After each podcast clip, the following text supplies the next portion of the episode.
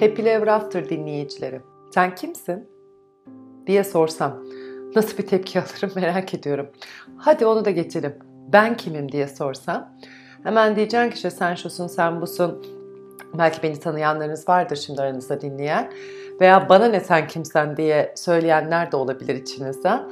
Ama aslında bu soruyu ben kimim yani beni tanımlamanız için değil kendin için soruyorum. Sen kimsin? Yani kendine ben kimim sorusunu sormanı öneriyorum. Haydi bugün biraz böyle derinden ve dipten böyle direkt olarak başlayalım. Şimdi bu nereden çıktı diyeceksin. E, hafta sonu yaptığım bir workshop sonrası böyle bir damarıma işleme durumuna geldi. Aslında daha önceden de e, çalıştığım bir pratikti ben kimim sorusu. Ama bu biraz daha derinleşti ve özellikle bugün size paylaşacağım aslında meditasyonun içinde de e, siz de bakalım benzer etkileri görebilecek misiniz? Çünkü şöyle bir şey geliyor aklıma. Bu aslında şunu da söylemem lazım.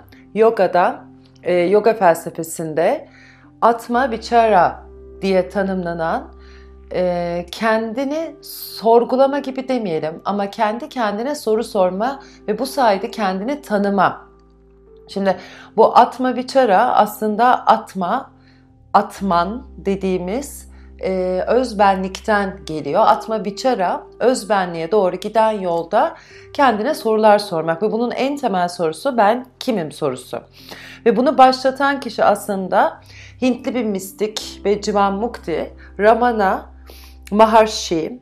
E, Who Am I diye yazarsa internette e, onun aslında galiba 32 ya da 33 soruluk çok kısa Who Am I kitabının içeriğinde bulabilirsiniz. Zaten en başında e, çok net bir şekilde paylaşmış bedenin olmadığını, beş duyun olmadığını, organların olmadığını yani kendini bedenle atfediyorsan bunların hiçbiri olmadığını söylüyor. E, çünkü bazen şöyle düşün bir odanın içindesin kitap okuyorsun ve oradan saatin böyle tıkırtısı geliyor tık ve dikkatin o saatin tıkırtısına doğru gidiyor. Sen o dikkati o saate, o tıkırtıya vermedikçe o sesi duymazsın aslında. Çünkü bazen gene aynı odada oturuyorsun ama o ses yok.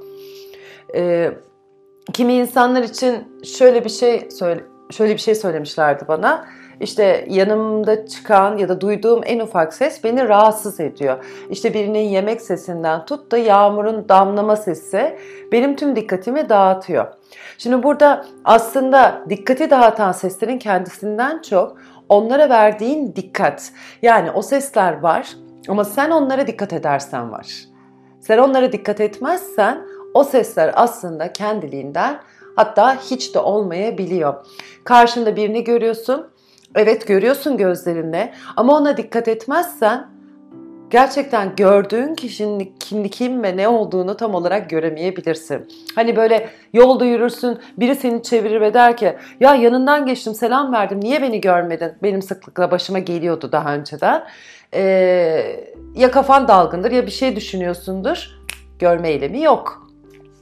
O parmak şıklatmak nereden geldi? Hadi bakalım. Duydunuz mu bilmiyorum. Öyle bir kendi kendime uyaran yaptım. Ee, bunu şimdi fiziki bedenden beş duyundan ötesine doğru geçiriyorum. Ve bunu düşüncelerine. Şimdi bugün sabah örneğin sabah 6'da kalktım sanırım. İşte saat işte 7.30'da bir derse gideceğim ve tam 7'yi 20 geçe, pardon 7'yi 10 geçe bir mesaj geldi. Çok acil bir işim çıktı. iptal etmek durumundayım. Şimdi Orada tabii ki bir kızgınlık tetiklendi. Ben tetiklendim. Bir şey yapmadım. Dersim vardı başka. Ona gittim. Halen böyle sakinliğimi korudum ama kendi içimde böyle bir tetiklenmiş ruh hali ve bir şeylere konsantre olamama hali içindeyim.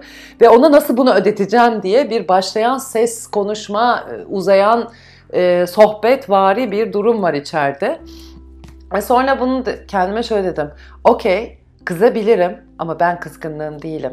Ben kızgınlığım olarak kendime o kızgınlığı sahiplendiğimde işte orada şöyle bir şey değişiyor. Ben kızgın kalmaya devam ediyorum.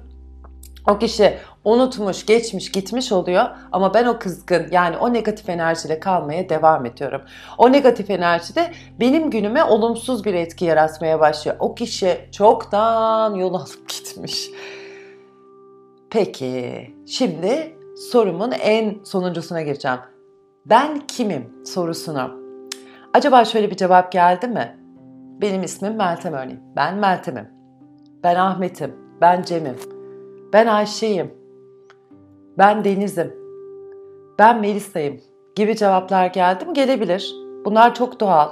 İsimlerimiz kendimizi nitelendirmek, kendi kimliklerimizi belirlemek için evet bizim dış dünyada kullandığımız e, terimler diyelim. Ama onların dışında yani doğduğun anda aslında hiçbir kimliğin yok. O doğduğun an. Yani anne karnındaki o geçirdiğin evet 9 ay boyunca yani şöyle söyleyeyim sperm ve yumurta olma halinden o annenin hamile olduğunu öğrenme süresine geçen süreçte hiçbir kimliğin yok. Ne zaman ki anne hamile olduğunu öğreniyor, onun yavrusu olmaya başlıyorsun. Ama gene bir ismin yok. Belki de ismin konulmaya başlıyor ve doğduğun andan yani o sperm ve e, yumurta birbirini tamamlayıp o fetüs oluşmaya başladığı süre içinde artık senin bu dünyadaki varlığın oluşmaya başlıyor. Bu varlık oluşmaya başladıkça da senin kimliklerin oluşuyor. Doğuyorsun, birinin kardeşi oluyorsun, birinin ablası oluyorsun, büyüyorsun, arkadaşı oluyorsun, büyüyorsun, sevgilisi oluyorsun, iş arkadaşı oluyorsun, yönetici oluyorsun, doktor oluyorsun, uzman oluyorsun, yaratıcı oluyorsun, yazar oluyorsun, sanatçı oluyorsun. Sonra zaman geçiyor, eşi oluyorsun, annesi babası oluyorsun ve bu şekilde devam ediyor ta ki ölene kadar. O öldüğün an toprak gömülmeden çok daha öncesi tabii ki son nefesini verdiğinde bütün o kimlikler gene gidiyor. Kimliksiz geliyorsun ve kimliksiz gidiyorsun aslında. Hani baktığında benim çünkü o sperm ve yumurta olduğum zamanda herhangi bir kimliğim yok. Benim ceset olduğum zaman da herhangi bir kimliğim yok. Evet arkamdan söylenen bir şeyler var ama onlar artık benim kimliğim değil. Çünkü ben onlarla herhangi bir şey yapmıyorum. Herhangi bir şekilde düşünmüyorum, hareket etmiyorum. Ama bu kimlikleri ne kadar sahiplenirsek yaşama verdiğimiz tepkiler, her şey aynı şekilde derinleşiyor ve o kimlikler üzerinden olmaya başlıyor. Yani ben aslında işte sabah kızdığımı, kızgınlığımı e, geçmişte bana söylenen hakkını koru yavrucağım diye birinin bana söylediği bir cümleyi etkisiyle onun bende yaratmak istediği kimlikle ben kızıyorum. Hakkımı koruyamadım, bak zamanımı çaldı. Ama belki de şöyle de bakabilirdim. İyi ki o ders iptal oldu. Kendimle vakit ayıracak harika bir iki saatim oldu dersim öncesine ve stüdyo dersim çok daha kıymetli ve çok daha derin geçti. Oraya gelen öğrencilerime işine yaradı. Ne güzel bir tamamlama oldu aslında. Bir şeyler olmuyorsa başka şeylere alan açmak için. Bunu hatırlatıyor aslında. Ama orada o kızgınlıkla kalıp o kızgınlığın kendisine sahiplenip sıfat yapıp kızgınım kızgınım kızgınım nitelendirmesiyle kalsam, kalmaya devam etsem belki de bunların hiçbirinin farkına varmayacağım ve tüm günüm o kızgınlıkla, o negatif enerjiyle, olumsuzlukla geçecek. Bu yaşanan durumun eminim ki bir karşılığı var. Eminim o kişi içinde bir durum ve olması gereken, e, beraber geçirmesi gereken bir süreci var. Ama benim onu yaşamış olmam benim kendi benliğime olan bir zararı yok aslında. Ama ne zaman ki düşünceyi kendi kimliğime tehdit olarak görüyorum, işte orada o benden öteye doğru geçmeye başlıyorum. Aslında başkalarının bana atfettiği sorumluluklara, nitelendirme ve sıfatlara geçiyorum. Sonra kendime neden kendimi rahatsız hissediyorum? Benim amacım ne? Neden her şeyim var ama mutsuz hissediyorum? Benim yapmam gereken ne? Gibi bütün o soruların içinde boğulup kalıyorum. Doğru kişiyle mi beraberim? Ben gerçekten ne istiyorum? Yanlış işte mi çalışıyorum? Doğru işte miyim? Ne olması lazım? Sorular sorular sorular içinden içinden çıkılamaz durumda kalıyorlar.